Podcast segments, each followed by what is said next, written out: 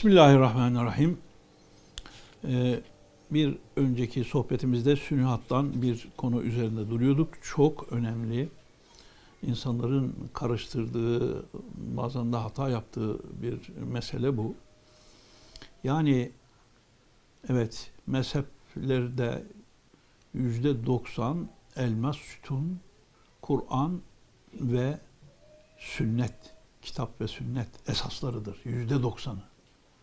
Mezheplerin yüzde onu ihtilafi, hilafi meselelerdir. Yani müştehitlerin herhangi bir konuda Kur'an'dan, hadisten anladıkları kendi kabiliyetleri, kendi yaşadıkları toplum, yaşadıkları şartlar ve atmosferin tesiri var.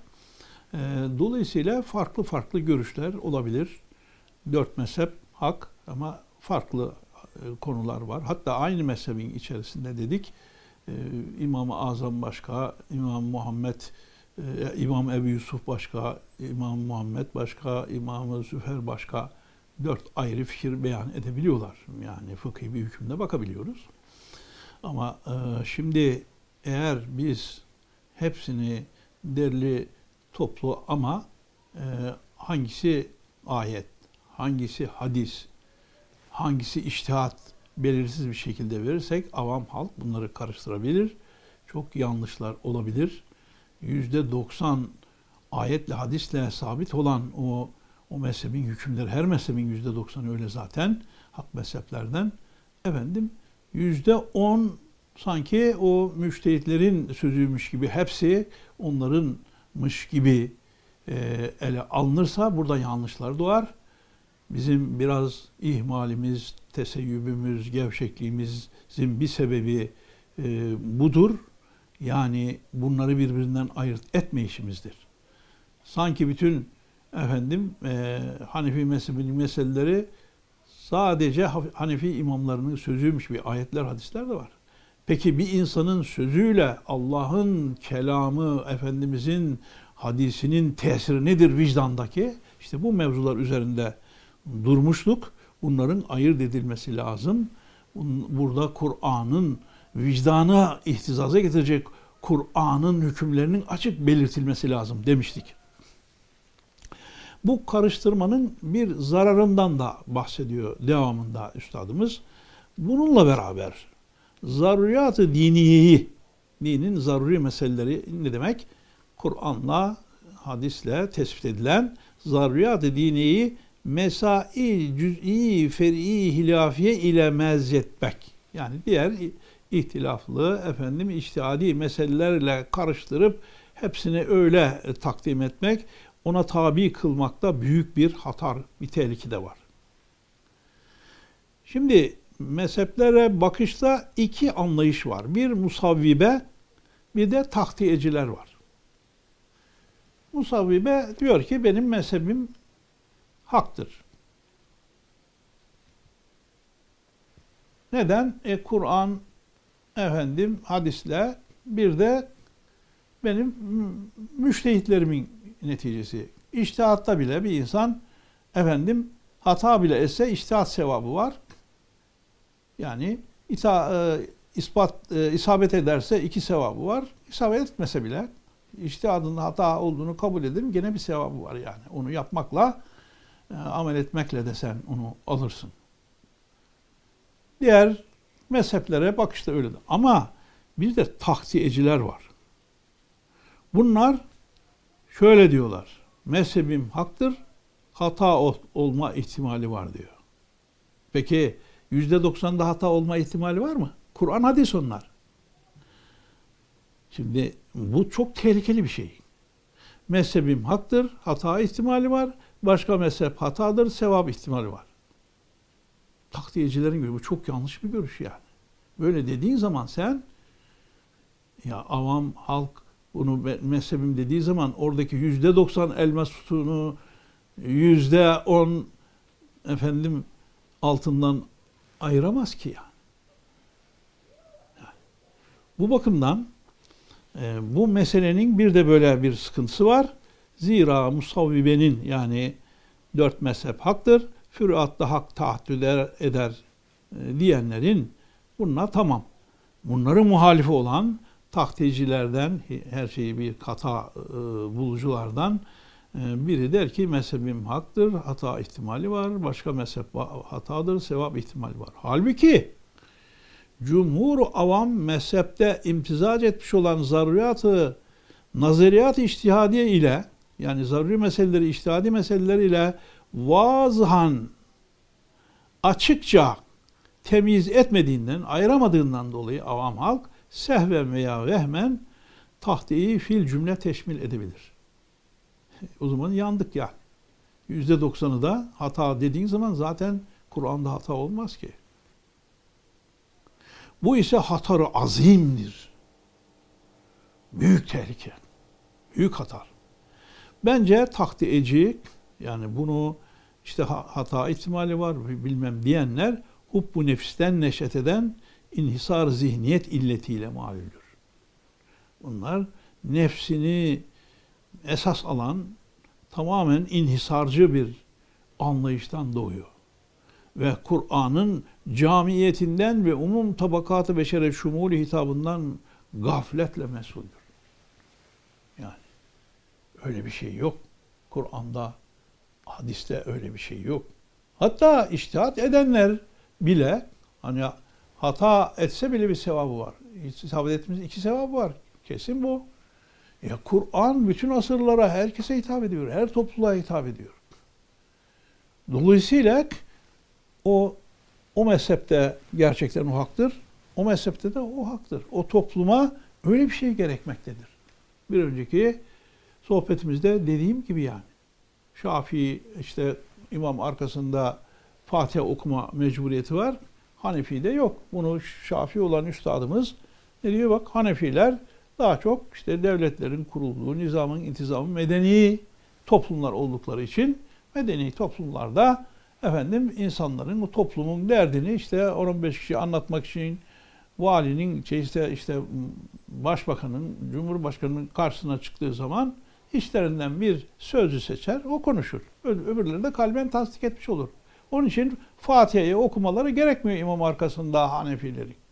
Ama Şafiler nim bedevi, nim medeni, yarı medeni, yarı bedevi olduklarından dolayı olabilir. O şey gelişmemiştir. Yani işlerinden birini seçsinler, o sözcü olsun falan yok. Herkes derdini ayrı ayrı anlatır. Onların ruhuna, yapılarına uygundur diyor. Üstad Şafii olan üstad söylüyor bunu bakın. Evet. Biz e, Kur'an bütün insanlar, herkese, her topluma hitap ediyor. Bu bakımdan e, Kur'an'ın camiiyeti, herkesi her anlayış içine cem etmiş olmasın ve umum tabakatı beşere şumulü hitabından gafletle mesuldür bu tahtiyeciler. Hem tahtiyecilik fikri suizan ve tarafkirlik hissinin menba olduğundan İslam'da lazım olan tesanüdü ervah yani ruhların birbiriyle dayanışması, tevhidi kulüp, kalplerin birleşmesi, tahabbüp ve taavüne büyük rahneler açmıştır bu düşünce. Halbuki hüsnü zanla, muhabbet ve vahdetle memuruz. Bu meseleyi yazdıktan biraz zaman sonra, Üstad bu mevzuyu, Sünahat'taki bu meseleyi yazdıktan biraz sonra bir gece rüyada Cenab-ı Peygamber sallallahu aleyhi ve sellem Efendimiz'i gördüm rüyamda.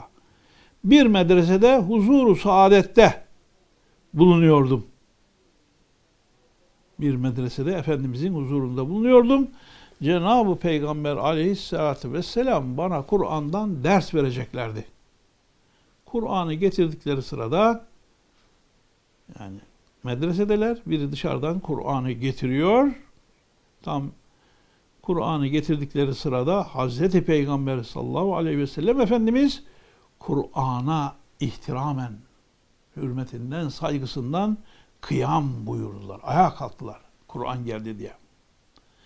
O dakikada şu kıyamın, şu ayağa kalkışı, hürmeti Efendimizin ümmeti irşad için olduğu birden hatırıma geldi.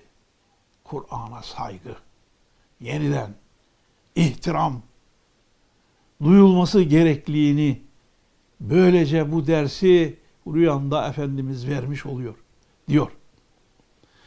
Bilahare bu rüyayı sülahayı ümmetten ümmetten Müslümanlardan salih bir zata hikaye ettim.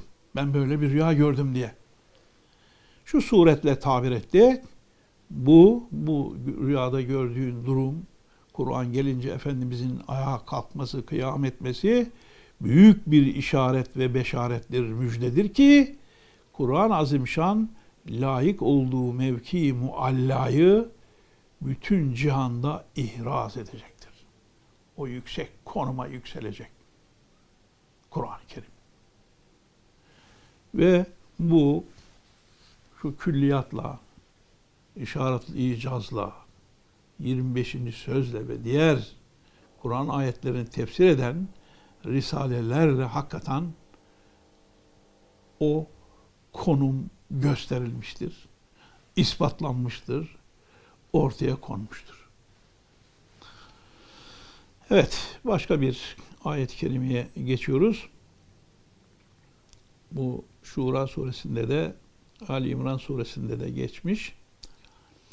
Ve emruhum şura beynehum ve şavirhum fil emr. Yani ve emruhum şura beynehum. Onların Müslümanların işi kendi aralarında şura iledir. Bu Şura suresinin 38. ayeti. Ali İmran'daki ise ve şavirhum fil emr. Efendimiz'e Cenab-ı Hak buyuruyor. işlerinde onlarla müşavere et, istişare et, istişareyle hareket et. Allah zaten bildiriyor. Efendimizin istişare ihtiyacı yok. Hayır, ders veriyor. Koskoca peygamber ümmetinin bütün fertleriyle istişare ediyor. Siz niye etmiyorsunuz? Sizin de etmeniz lazım manasına. Tarih bize gösteriyor ki İslam ne derece dine temessük etmiş ise Müslümanlar dine nasıl ne derece sarılmışlarsa terakki etmiş, ne vakit dinde zaaf göstermişler ise tedenni etmiştir. Yani bunu İstanbul'a teşekkür için gelen Japon başkumandanı da aynen böyle ifade etmiş. Evet, İslam ne derece dine temessük etmişse Müslümanlar terakki edip yükselmişler. Ne vakit dinde zaaf göstermişler ise tedenni etmiş, gerilemişler. Başka dinde bilakis dine kuvvetli sarıldıkları zaman vahşet olmuş, zaaf gösterdikleri zaman temettün hasıl olmuştur. Onun sebebi din orijinal şekliyle geldiğinden dolayı İslamiyet efendim her türlü maddi manevi dünyevi uhrevi her şey var. Yani ona tam sarılırsan takvayı anlarsan sadece bir kelam hükümlerinden dini hükümlerden kaçınmak şeklinde değil de korunma şeklinde haramlardan değil de dünya hayatında da zararlardan korunma şeklinde maddi manevi Allah'ın koyduğu tekvini kanunlardan, fenden, teknikten, teknolojiden istifade manasına bir takvanın da olduğunu anlamak suretiyle olsa dünyevi hayatında güzelleşeceği, efendim Müslümanların terakki edeceği oradan anlaşılmakta. Evet. Cumhur Enbiya'nın şartta bir seti. Bu da üstadın enteresan bir tespitidir. Yani şöyle. Mesela fındık nerede yetişir diyelim. Her yerde yetiştirebilir misiniz? Hurmayı her yerde yetiştirebilir misiniz? Limonu her yerde yetiştirebilir misiniz? Yani toprakların özellikleri vardır. Yani hümüslü toprak ister, şunu ister, bunu ister. Her bitki her yerde yetişmez. Şimdi aynı şekilde diyor ki Cumhur Enbiya'nın şartta bir iseti, doğuda bütün peygamberlerin gönderilmiş olması ekseriyeti itibariyle kaderi ezeliğinin bir remzidir. Ezeli kaderin rumuzlu bir ifadesidir ki şarkın hissiyatına hakim dindir. Bak hep peygamberler göndermiş. Onların hislerine, duygularına hakim olan dindir. Dinle ayağa kalkarlar. Yani başta bir söz söylemişti. İslam ne derece dinine temessük etmişse terakki etmiş demişti. Bugün alemi İslam'daki tezahürat da gösteriyor ki alemi İslam'ı uyandıracak, şu mezelletten kurtaracak yine o histir. Evet. Hem de sabit oldu ki bu devleti İslamiye'yi Osmanlı'yı 1922 bu yani. Bütün öldürücü müsaademata, darbelere, müsaademelere rağmen yine o din hissi muhafaza etmiştir. Bu hususta garba nispeten ayrı bir hususiyete malikiz. Farklıyız onlardan. Onlara kıyas edilemeyiz. Şimdi oradan tabi Osmanlı'yı düşünerek, hilafeti düşünerek diyor ki saltanat ve hilafet gayri münfek müttehit bir zattır. Osmanlı bütün Müslümanların hilafetinde yani Yavuz'dan, Yavuz Selim cennet mekandan itibaren efendim e, onu da içinde tutuyordu. Yani hem saltanat vardı hem hilafet vardı. Halbuki saltanatla hilafetin cihetleri muhteliftir. Yani saltanatın baktığı nokta başkadır, hilafetin baktığı nokta başkadır. Cihet muhteliftir. Binaenaleyh Osmanlı'da bizim padişahımız hem sultandır hem halifedir. Ve alem İslam'ın bayrağıdır. E, ne ifade ediyor bu? Şöyle açıklıyor. Saltanat itibariyle 30 milyona nezaret ettiği gibi diyor mesela. Osmanlı'nın o zamanki demek ki nüfusu 30 milyon. Saltanat itibariyle. Halbuki hilafet itibariyle 300 milyonun mabeyindeki rabıtı nuranin makesidir. Bütün Müslümanların halifesi olması itibariyle efendim 300 milyon nüfus var İslam aleminde. Bu 300 milyonun arasındaki nurani bağın, rabıtanın makesi, aksettiği, yansıdığı noktadır. Ve istinatgah bir dayanağıdır. Ve medetkarı 300 milyonun medetkarı olmak gerektir. Şimdi buradan mesela 300 e, milyon Müslüman diyelim. Ama Osmanlı'nın hakim olduğu topraklarda 30 milyon var. Peki dünyanın herhangi bir yerinde Müslümanlara bir şey olduğu zaman elinden eğer geliyorsa suskun kalabiliyor mu? Yani diyelim işte Tanzanya efendim e, şeyin dışında veya başka bir Afrika ülkesi Osmanlı'nın e, hükmü altında değil. Oralarda bir mesele olsa Osmanlı bundan bilgane kalabilir mi? Hayır kalmaz yani. Yavuz'dan itibaren e, Kanuni ve diğerleri oralarda bir şey olursa hemen yardımlarına bir şeyler göndermişlerdir yani. Portekiz sömürgeciliği başlamış. işte efendim geliyorlar bir İslam ülkesine bunu duyuyor hemen Portekizlere karşı bir koruma güç gönderiyor. Portekizleri def ediyorlar mesela. Ondan sonra orada kaleler falan yapmış hemen Osmanlı. Soruyorlar kalalım mı? Yani oraya istilaya gelmemişler, müdafaya gelmişler. Tabi onlar ya bunlar gelir bize hakim olurlar düşüncesiyle hadi git. E, Osmanlı çekilince Portekiz gene geliyor onları esaret altına alıyor mesela. Ama gene onları yalnız bırakıyorlar mı? Hayır, bırakmıyorlar yani. Şimdi bir dönem Amerika'da tanıştığımız bu Afrikan kökenli, Afrika kökenli, Afrikan Amerikan dedikleri insanlar var. Yani onlara zenci demek hakaret sayıldığından dolayı yani biz hakaret için kullanmayız ama bu kelimeyi kullanmak istemiyorum yani. Oradan bir İmam Baki ile tanışmıştık. Hapishanelerde vaaz ediyor. Bir sefer beraber de gittik. Efendim. E, gayretli birisi. Onu Türkiye'ye getirmiştim. Allah rahmet eylesin vefat etmiş. İşte kardeşlik kardeşlik derken bir arabana bir çıkıştı. Bizi dedi köle olarak Amerikalara, oralara, borlara götürürlerken Osmanlı neredeydi dedi ya. Nasıl kardeşlik bu dedi ya. Şimdi bir noktada haklı ama sonra bakıyoruz ki oralara elinden geldiğince Osmanlı destek göndermiş. Bırak onları yani. Safaretler var bakın.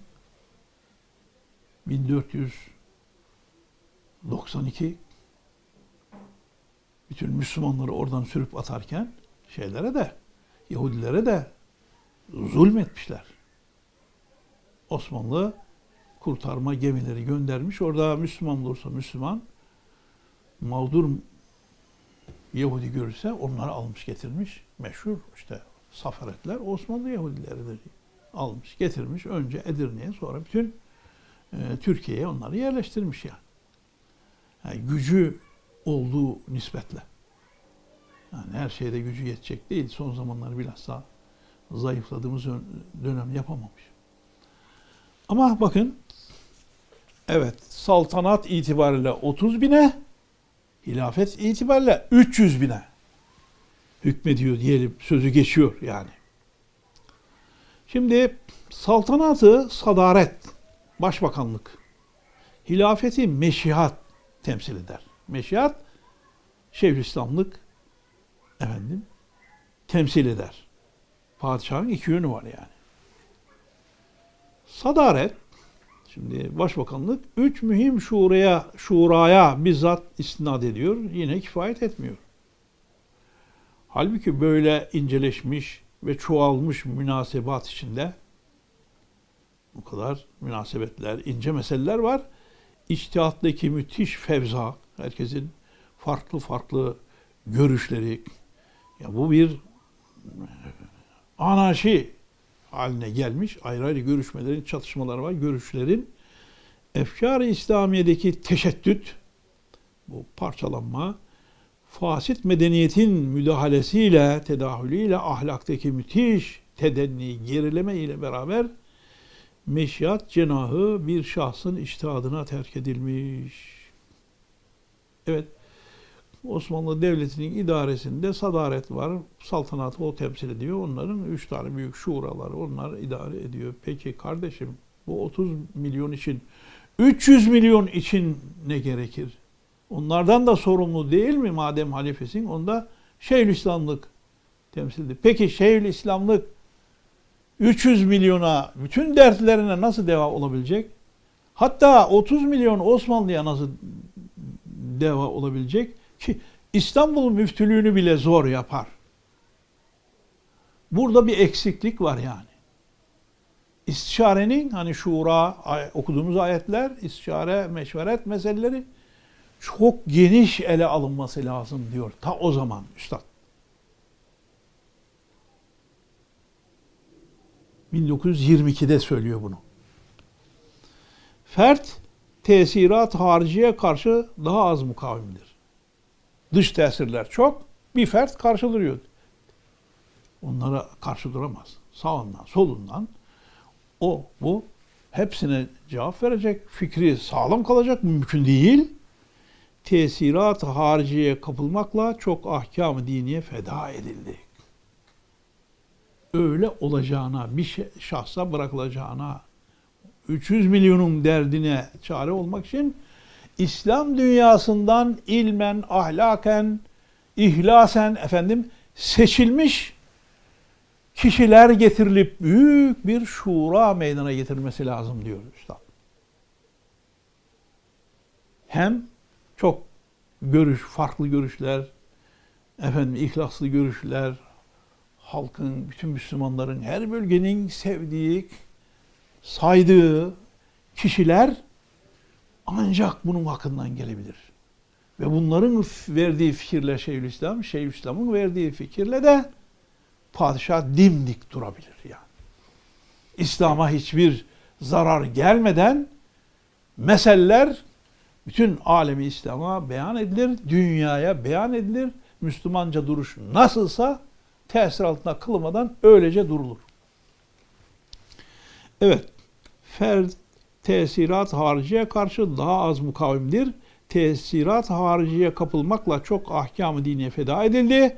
Hem nasıl oluyor ki umurun, işlerin basit olduğu zamanlarda, taklit ve teslim cari olduğu zamanlarda halk üzerinde, velev ki intizamsız olsun yine meşyat bir şuraya, lakal kaz askerler, kadı askerler gibi mühim şahsiyetleri isnat ederdi. Şimdi iş besatetten çıkmış, taklit ve ittiba gevşemiş olduğu halde nasıl bir şahıs kifayet eder?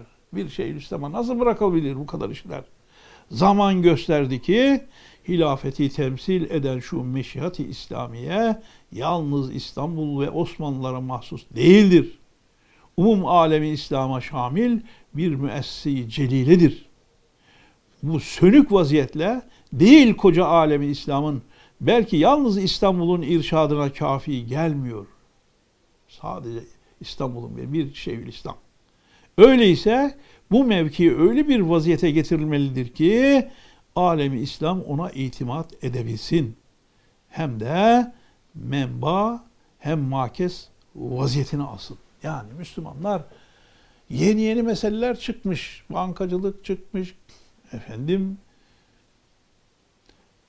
sosyalizm çıkmış, komünizm çıkmış, şu olmuş, bu olmuş. Ne yapacaklar? Nasıl bir vaziyet alacaklar insanlar? Bütün bunlara karşı bir şey çıkması lazım. Bir söz birliği olması lazım. Bütün dünyadan topladığınız kişiler olursa ve böyle bir şuradan, böyle bir meşveretten bütün İslam alemi haberdar olursa Şeyhülislamlıktan, hilafetten çıkan efendim bütün şeyler hepsine delil hükmündedir. Artık şunun bunun efendim e, sözüne, sazına bakan olmaz. Oradan geldi bu mesele böyledir diye tek doğru üzerinde insanlar birleşmiş olur. Evet. Hem menba hem makes vaziyetini alsın. Yani Şeyhülislamlık makamı alemi İslam'a karşı vazifi diniyesini hakkıyla ifa edebilsin.